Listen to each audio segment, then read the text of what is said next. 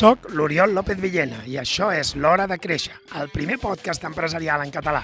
Cada setmana parlem de com desenvolupar estratègies de creixement i executar prioritats per assolir els teus objectius. Segueix escoltant si busques idees, històries i experiències que t'ajudin a gaudir d'un negoci més rendible i divertit de dirigir. Som-hi!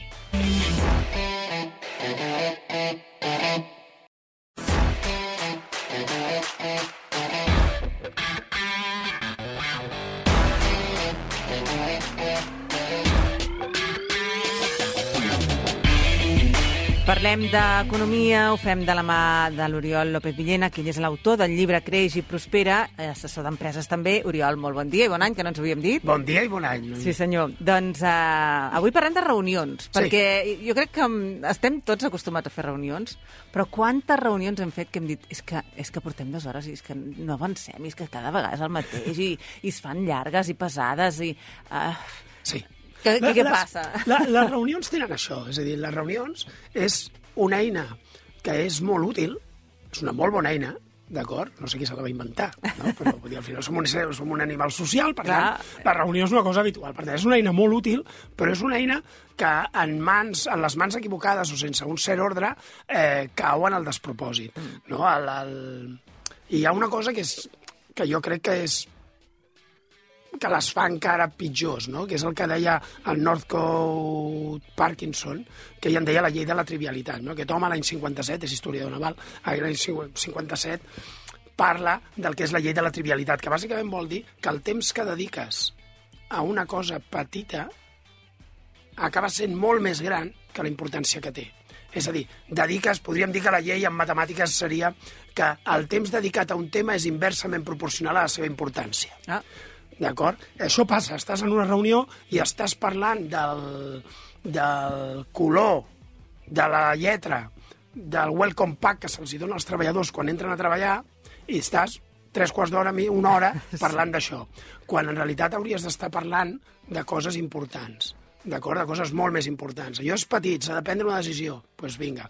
I, I això ell posava l'exemple d'una central nuclear, on s'està més estona discutint sobre uh, la forma que han de tenir els trasters per les bicicletes dels empleats que del disseny de la planta pròpiament dit, Sí, que és sí, la part sí. important. No? Sí, sí. Per tant, hem de ficar remei i no sé què hauríem de fer. Potser marcar prioritats seria... Bé, sí, exacte. És a dir, el, el, el tema clau aquí és que normalment fem això perquè o bé tenim por de la decisió, o bé no tenim clar quina és la nostra prioritat, o, o bé tenim... O, o bé fem masses coses i masses coses depenen de nosaltres i no de la gent. Per tant, aquí com ho has de resoldre? Ho has de resoldre amb tres coses. La primera, amb prioritats molt clares. O sigui, has de tenir molt clar què és una prioritat a l'empresa i què no. D'acord? El segon, tallant ràpid. Qualsevol conversa que comença a iniciar-se sobre un tema menor es talla perquè primer es tracta la prioritat i després l'altre. Si cal, s'apunta en una pissarreta i es diu després ho tindrem en compte, però ara mateix no és important. I tercer, delegant més, en realitat. És a dir, has de delegar més, més decisions. O sigui, no pot ser que totes les decisions depenguin d'una reunió. Hi han decisions que han de dependre de persones concretes que assumeixen la responsabilitat d'aquella decisió. Segurament la lletra d'aquell catàleg, doncs, eh, que ho decideixin els dissenyadors i punt. I ja està, Dissenyadors, ja o qui sigui, per- i si vols el, la sigui, el persona de recursos humans, el responsable de recursos humans, amb els dissenyadors. I aquelles persones prenen la millor decisió per l'empresa, que no serà perfecta, segurament, però serà la millor. Sí, sí, sí, sí. I a vegades també ho fem perquè ens refugiem en lo fàcil. Sí, clar, és més fàcil parlar del tipus de lletra del catàleg que, que de si hem de fer fora un client o no.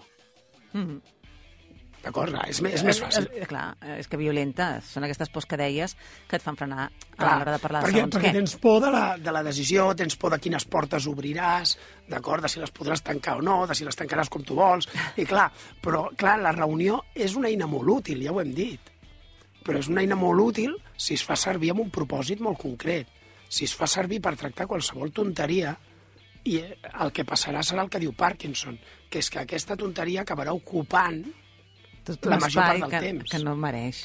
Mhm. Exacte. Per tant, hem d'evitar la trivialitat.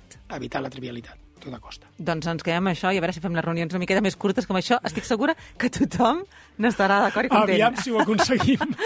Molt bé, Oriol. Doncs fins aquí 15 dies. Gràcies, adéu-siau.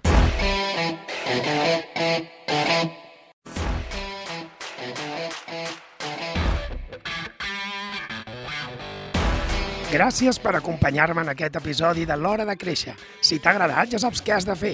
Escriu una ressenya, comparteix-ho amb algú i uneix-te a la comunitat de les empreses proactives. Gràcies per escoltar-me i recorda, l'acció és qüestió de prioritats.